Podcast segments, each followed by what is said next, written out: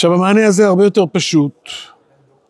לפני כן אה, ראינו את המענות של אליפז, מענה מאוד מורכב, יש לו מבנה, הוא מכניס בפנים את העניין של החזון, ואת העניין של הבריאה, אה, חוץ מתוכחה ועידוד, כמו שכל הרעים יהיה להם, אחר כך ראינו את המענה המאוד מורכב של איוב. ולעומת זאת, המענה של בלדד, שנקרא היום פרק ח', קודם כל הוא הרבה יותר קצר, 21 פסוקים. הוא גם יותר, יותר פשוט. בואו נצא לדרך. ויעם בלדד השוחי ויאמר, עד אן תמלל אלה, ורוח כביר אמרי פיך, האל יעוות משפט, ואם שדי יעוות צדק? אם בניך חטאו לו וישלחם ביד פשעם. אם אתה תשחרר אל אל ואל שדי תתחנן, אם זך וישר אתה, כי אתה יאיר עליך ושילם נבעת צדקך. וירש איתך מצער ואחריתך ישגה מאוד. כי שאל נא לדור ראשון וכונן לדור חקר אבותם. תתמול אנחנו ולא נדע כי צל ימינו עלי הארץ. הלא הם יורוך יאמרו לך, ומליבם יוציאו מילים. היגעה גומה בלא ביצה, ישגה אחו בלי מים. עודנו באיבו לא ייכתף, ולפני כל חציר יבש. כן אורחות כל שוכחי אל, ותקוות חנף תאבד.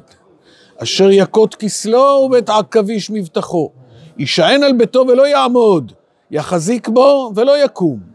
רטובו לפני שמש ועל גנתו, יונת, יונ, ועל גנתו יונקתו תצא. על גל שורשיו יסובח ובית אבנים יחזה. אם יבלענו ממקומו וכיחש בו לא ראיתיך, הן הוא משוש דרכו ומעפר אחר יצמחו. הן אלו ימאסתם ולא יחזיק ביד מרעים. עד ימלא שחוק פיך ושפתיך תרועה, שונאיך ילבשו בושת, ואוהל רשעים איננו. אז אנחנו נחלק את המענה הזה לחמישה חלקים. ההתחלה, פסוקים ב' עד ז', זה דרישה מאיוב להכיר בצדקת האל ומשפטו. אפשר לקחת על זה את שלושת המילים, האל יעוות משפט, בתור איזושהי שאלה רטורית, לא יכול להיות, אז קודם כל אתה צריך לקבל. בפסוקים ח' עד י' אנחנו נראה את הבסיס לאמירה של בלדד. זאת אומרת, מה היה הבסיס לדבריו של אליפז? מה? החזון, כן? זאת אומרת, הוא תיאר את זה בצורה מאוד מאוד דרמטית, לנפול תרדמה על אנשים, ואז הוא שומע ורואה, וזה, זה הבסיס, זה באמת מאוד מאוד נשגב. טוב, זה מה שהיה לאליפז. לא כל אדם יכול לקבל חזון. אז בלדד כבר יש לו מקור צנוע יותר. אנחנו נראה שהמקור הוא דור ראשון, דורות ראשונים. תשמע, אנחנו, אדם לא יכול ללמוד הכל בעצמו. על מה כל הלימוד שלנו, כן? אנחנו בתוך בית המדרש הזה עם אלפי ספרים, על מה מתבסס הלימוד שלנו? על כל מה שלמדו בדורות הראשונים. אחר כך יביא בלדד שני משלים שקשורים לעולם הצומח. אחד על גורל הרשע, ואחד על גורל הצדיק, וכמובן במה הוא יסיים, בלדד. מה אתם אומרים? מה? כן, אורחות כל שוחרי. זה אורחות, נכון, שוכחי אל, אבל במה הוא יסיים? מילות הסיום, כמו אצל כולם, מה הם? במחזור הראשון לפחות? ניחומים. ניחומים. אם אתה תתקן את הדרכים שלך, אז. אומר הרמב"ן פה ב... בפתיחה, עניין המאזיני הזה לחלוק על איוב ולסייע על דברי אליפז חברו, והיו דבריו חזקים מדברי אליפז. זאת אומרת, בלדד יותר בוטה. אם בניך חטאו, אליפז דיבר על הכפירים, על כל מיני אריות צעירים שאולי חטאו, ו... ולעומת זאת בלדד שם את הדברים על השולחן. אם בניך חטאו, וישלחם ביד פשעם, בצורה הרבה יותר בוטה. אני חוזר לרמב"ן, כי אמר בפירוש כי הרעות הבאות על איוב ועל בניו כולם במשפט, כי האל לא יעוות משפט וצדק, ושם הבנים רשעים גמורים, חייבי כרת הגוף, לפיכך כבר מתו. הוא לא רומז, הוא לא מדבר מסביב, הוא אומר את זה ישר. אבל במידת איוב נהג עניין אחר, שבאו ייסוריו למרק קצת חטאיו שעשה, ואם ישחרר לאלוהים, ישלם צדקו. זה קשור לשיטת הרמב"ן בכל התורה כולה. אפשר לראות את זה למשל בעקדה, שהרמב"ן כותב שכל הניסיונות הם לטובת המנוסה. עכשיו אני פותח פה סוגריים. יש פסוק שאומר ש... אמ, נו. שעוד עוד שנייה אני אזכר בפסוק, שהאלוהים מנסה דווקא את הצדיקים, כן? אה, השם צדיק יבחן, ורשע ואוהב חמאס, שנאה נפשו. אז למה השם צדיק יבחן? אז יש בזה כל מיני דעות. בניגוד לרמב"ם למשל, שהוא אומר, למה השם מנסה את הצדיקים? כדי להר... להראות לכולם. זאת אומרת, למשל הרמב"ם כותב על העקדה שהשם ניסה את אברהם כדי להראות לכולם עד היכן מגיע גבול אהבת השם. נתת ליראיך נס להתנוסס כמו הנס, הנס ודגל, כן? אז לוקחים את הצדיק ושמים אותו בתור איזשהו מודל, אברהם אבינו כדי שכולם ילמדו ממנו. זו שיטת הרמב"ם. הרמב"ן הולך בשיטה אחרת. הוא אומר שזה בא לטובת המנוסה. זאת אומרת, בדרך כלל, אדם מגיע להישגים מסוימים. הניסיון גורם לו לזקק את הכוחות שלו. כמו שאתה לוקח אנשים צעירים, כן, כמוכם, ואתה עושה להם גיבושון. ואז מה קורה תוך כדי הגיבוש הזה? החיילים האלה מגלים בתוך עצמם כוחות שהם בכלל לא ידעו שהם מסוגלים אליהם. אז הניסיון הזה, שזה גם סוג של ייסורים, כן? ללכת מסע אלונקות וכל מיני uh, מאמצים כאלה, זה גם כן סוג של ייסורים. הייסורים האלה גורמים לאנשים הצעירים, מגיעים בחורי ישיבה, מאוד עדינים, מאוד נחמדים, מאוד זה, ואתה רוצה לעשות מהם חיילים קשוחים, אז אתה עושה להם מסכת של uh, ייסורים, של ניסיונות מאוד קשים, ואז הם הופכים להיות ללוחמים קשוחים. אומר הרמב"ן, זה לטובת המנוסה. אז כאן אני חוזר עכשיו לבלדד, אומר הרמב"ן בפתיחה שלו לפרק ח', במידת איוב נהג עניין אחר, שבאו ייסוריו למראה קצת חטאיו שעשה, ואם ישחרר אל האלוהים ישלם צדקו. זאת אומרת, אתה יכול לקחת את האיסורים האלה ולנסות להשתמש בהם בתור איזשהו מנוף כדי להתרומם. אני רק מזכיר פה בסוגריים, גמרא שכולם מכירים, גמרא בתחילת מסכת ברכות, ממש בפרק ראשון, דף ה' כמדומני, שרבי אליעזר חלה, בא אליו רבי יוחנן, אמר לו, חביבים עליך איסורים, אז מה הוא אומר? לא הם ולא שכרם. אנחנו מתפללים כל יום, אל תביאנו. אל תביאנו. לא לידי ניסיון, לא לידי ביזיון, זה לא בדיוק איסורים, אבל זה גם כן סוג של ניסיון, זה גם כן יכול להיות סוג של איסורים, אבל ברגע שזה כבר קורה, הנה תשתמש בזה. אז קודם כל, אמרנו שהאמירה הראשונה זה דרישה מאיוב להכיר בצדקת האל, ותראו איך הוא אומר לו, עד אן תמלל אלה. אלה זה כאילו משהו שהוא מזלזל בו. עד אן תמלל אלה, ורוח כביר אמרי פיך. כאילו, אתה מדבר יותר מדי, אתה מדבר בצורה לא מתאימה, עד אן תמלל אלה. האל יעוות משפט ועם שדי יעוות צדק?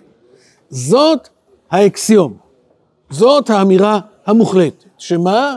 האל לא מעוות משפט. והרי נמצאים פה בתפיסה שאם האל לא מעוות משפט, ואם איוב קיבל איסורים, אז המסקנה היא ש... שאיוב חטא. שהבנים שלו חטאו. איוב כמובן מאוד התקומם על הדבר הזה. ואנחנו נצטרך לעבור עוד הרבה הרבה פרקים כדי לראות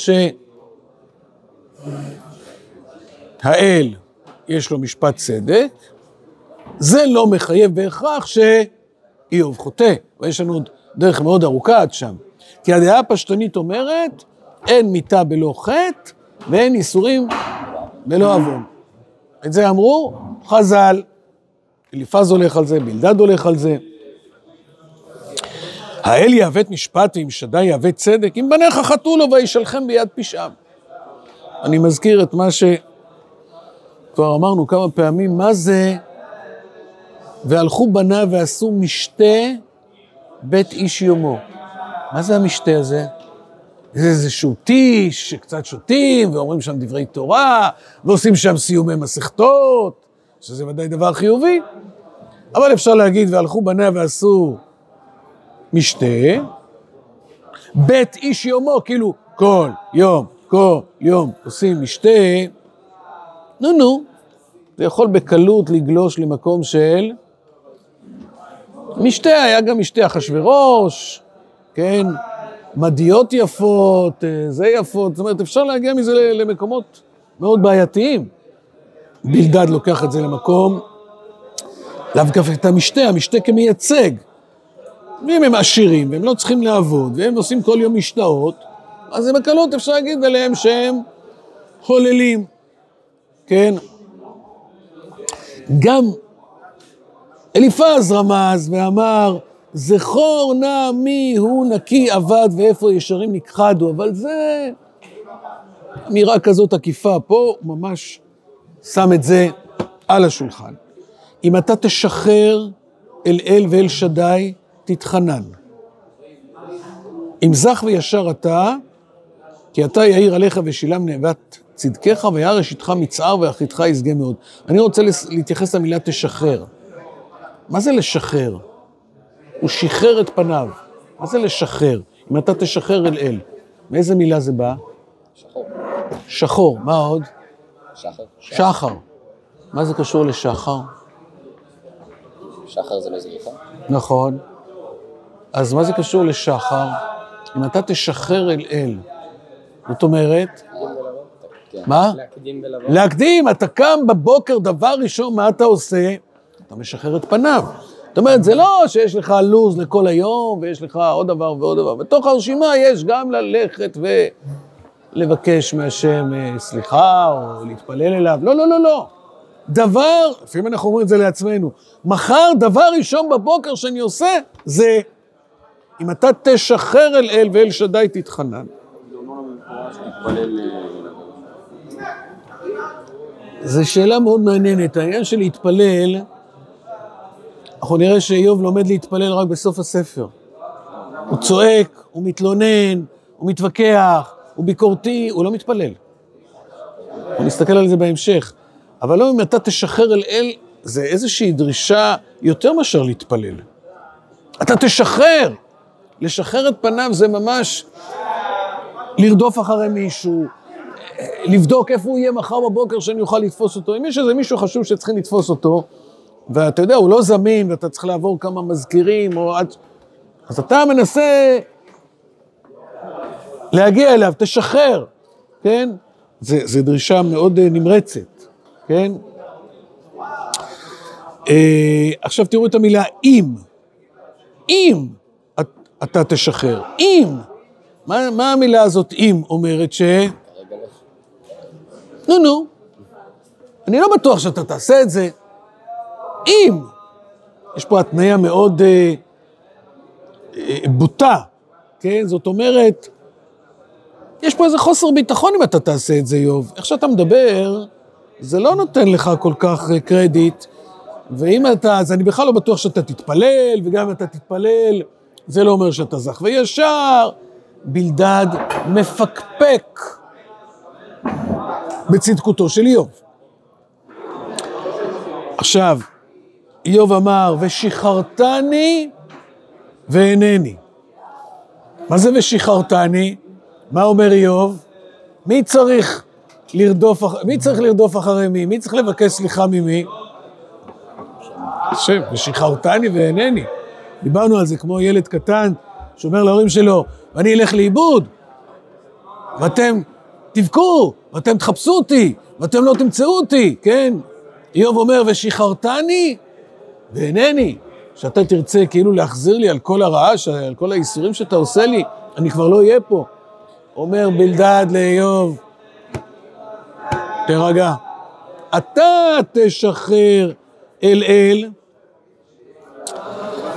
אמ, אליפז דיבר יותר בצורה חברית, אומר, אם אני הייתי במקום שלך, אז אני הייתי עושה ככה וככה. לעומת זאת, בלדד אומר לו, אם, ואם, יש פה פחות הזדהות חברית ויותר שני צדדים של מתרס. אתם שמים לב לדינמיקה שמתהווה פה תוך כדי הדיון של החברים, החברים הכי טובים שיש, וכשחבר כל כך טוב, הייתי אומר חבר לשעבר, כן? יש דתל"ש, דתי לשעבר, ויש, איך אפשר לעשות ראשי תיבות של חבר לשעבר, כן? זה כבר, כבר איזושהי התרחקות, זה מאוד קשה, זה גם חלק ממערכת האיסורים של איוב. זאת אומרת, הדימוי העצמי שלו היה כאיש תם וישר, והחברים שלו מכירים בזה, וככה מדברים אליו, וככה מתייחסים אליו, ופתאום הם אומרים לו, רגע, רגע, רגע, הם כבר לא בטוחים שאתה במקום הזה. אם, אם. אמ, וירש איתך מצער, ואחיתך יסגמי. כי שאלנה לדור ראשון וכונן לחקר אבותם. כי תמול אנחנו ולא נדע, כי צל ימינו עלי ארץ. זאת אומרת, אני לא אומר דברים מעצמי, אני מתבסס על הדורות הקודמים, הלא הם יורוך יאמרו לך, ומליבם יוציאו מילים. אז כמו שאמרנו, אין לי חזונות מאוד גדולים, אבל יש לי בסיס היסטורי. יש לי בסיס של לימודים, יש לי בסיס...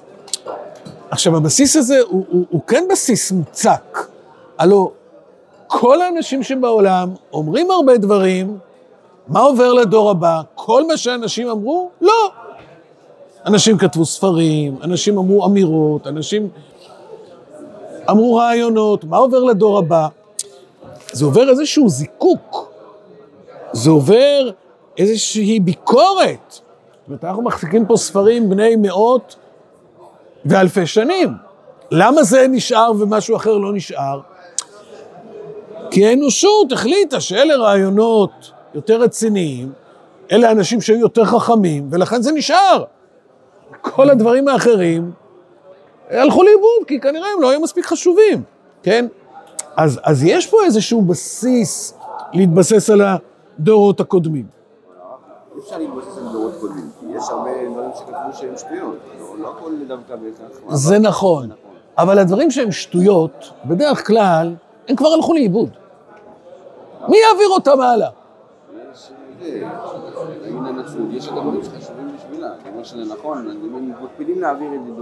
אז היה מישהו שחשב שזה חשוב, ובגלל זה זה נשמר. אני לא אומר שכל מה שאמרו היה חשוב. כן, אבל הוא אומר, אני לוקח מהדברים של הקדמונים, מה שאני רוצה להגיד, שהדברים שעוברים הלאה זה דברים שמישהו חשב שהם מספיק חשובים בשביל לשמור אותם ולהעביר אותם לדור הבא. בסדר? כי אם היו דברים שהם לא מספיק חשובים, אז הם פשוט היו הולכים לאיבוד. האנושות, בני האדם בכלל, עושים איזושהי פעולה של ביקורת. כן, אני שמעתי דברים מאבא שלי, ואני מחליט מה להעביר לבן שלי. אני שמעתי דברים ממורי ורבי, ואני שוקל מה להעביר לתלמידים שלי. אז, וככה בכל מערכת, אפילו במערכת טכנולוגית, כן? היו דברים טכנולוגיים שהיו מוצלחים יותר, והיו מוצלחים פחות, זה כבר נזנח. אז כשהוא, כשבלדד אומר, שאל נא לדור ראשון וכונן לחקר אבותם, יש פה איזשהו בסיס שעליו אני מסתמך, איתו אני עובר הלאה. יש פה שני משלים עכשיו, אחד על גורל הרשע ואחד על גורל הצדיק. על גורל הרשע, היגעה גומה בלא ביצה, ישגה אחו בלי מים, עודנו באיבו לא ייכתב, ולפני כל חציר יבש. זאת אומרת, הגומה הוא פתאום הוא יכול פתאום לצמוח מאוד מאוד מהר. למה? כי הוא נמצא על המים. ברגע שהמים מתייבשים, מתייבש, אין לו שום קיום. יש עצים שלוקח להם הרבה זמן לגדול ויש להם שורשים עמוקים, וגם אם יש איזושהי תקופת יובש אז, הם עדיין מחזיקים מעמד. הגומה הזה, האחו הזה, הם סמל למשהו שיכול לצמוח מאוד מהר וליפול מאוד מהר. זה יכול להיות משל על איוב, בוודאי על הבנים שלו. יכולים לעשות כל יום משתאות, וברגע אחד זה נופל. כן אורחות כל שוכחי אל ותקוות חנף תאבד, אשר יכות כסלו ובית עכביש מבטחו. יכות זה יכול להיות פועל, כן? יכות זה יכרת. יכות כסלו, מה זה כסלו? כסלו זה דבר שאפשר לבטוח בו, כן? זה יופיע גם בהמשך אה, בספר איוב, זו מילה די נדירה, אשר יכות כסלו, אשר יכרת כסלו מבטחו, ובית עכביש מבטחו. העכביש תובע המון המון כורים, ו... לא נשאר מזה מאומה.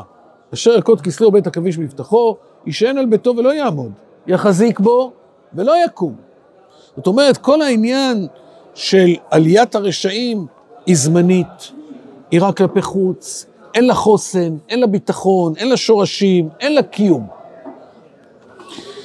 משל על גורל הצדיק, שוב, יש כאלה שממשיכים גם בפסוקים ט"ז עד י"ט את המשל של הרשע, אני חושב שזה משל על גורל הצדיק. רטוב הוא לפני שמש, על גנתו, על גנתו יונקתו תצא, על גל שורשיו יסובח ובית אבנים יחזה, אם יבלענו ממקומו וכיחש בו לא ראיתיך, אין הוא משוש דרכו, מעפר אחר יצמחו. גם יש איזשהו שתיל שאתה עוקר אותו מפה, אתה שם אותו במקום אחר, הוא מכה שורשים ונמצא במקום החדש. זה יכול להיות משל על איוב, למרות כל הקושי שעברת, למרות האיסורים, למרות הבנים שלך שמתו, עדיין יש לך תקווה, עדיין יש לך סיכוי. ואז כאן, אה, עוד מילה, והיה, זה, זה כמובן מקביל, והיה, והיה ראשיתך מצ, מצער, ואחיתך ישגה מאוד. כמו הצמח הזה שעוקרים אותו ממקומו, שנדמה שאין לו סיכוי יותר, היה ראשיתך מצער, ואחיתך ישגה מאוד.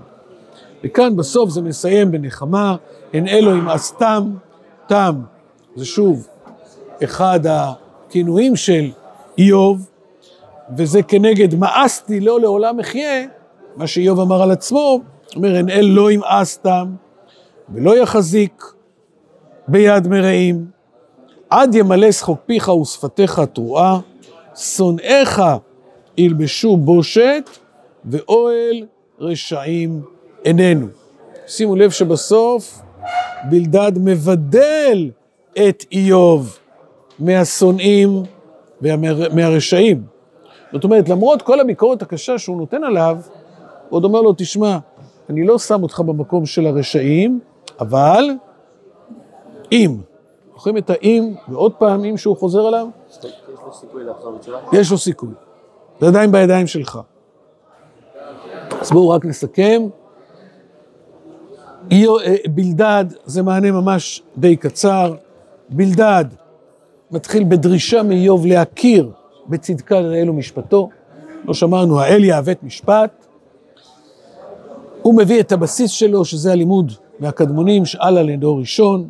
הוא מביא שני משלים, אחד על גורל הרשע ואחד על גורל הצדיק, שניהם מעולם הצומח, לעומת הגומה שלא מחזיק מעמד, למרות שהוא נראה מאוד פורח כי הוא היה על המים, אבל הוא התייבש, הוא לא מצליח. לעומת זאת הצדיק, זה כמו צמח שגם אם עוקרים אותו ושמים אותו במקום אחר הוא יכול לצמוח, והוא מסיים בדברי נחמה מופלגים. בעזרת השם, בפעם הבאה אנחנו כבר נראה את המענה של איוב לבלדד, פרקים ט' וי'. עד כאן.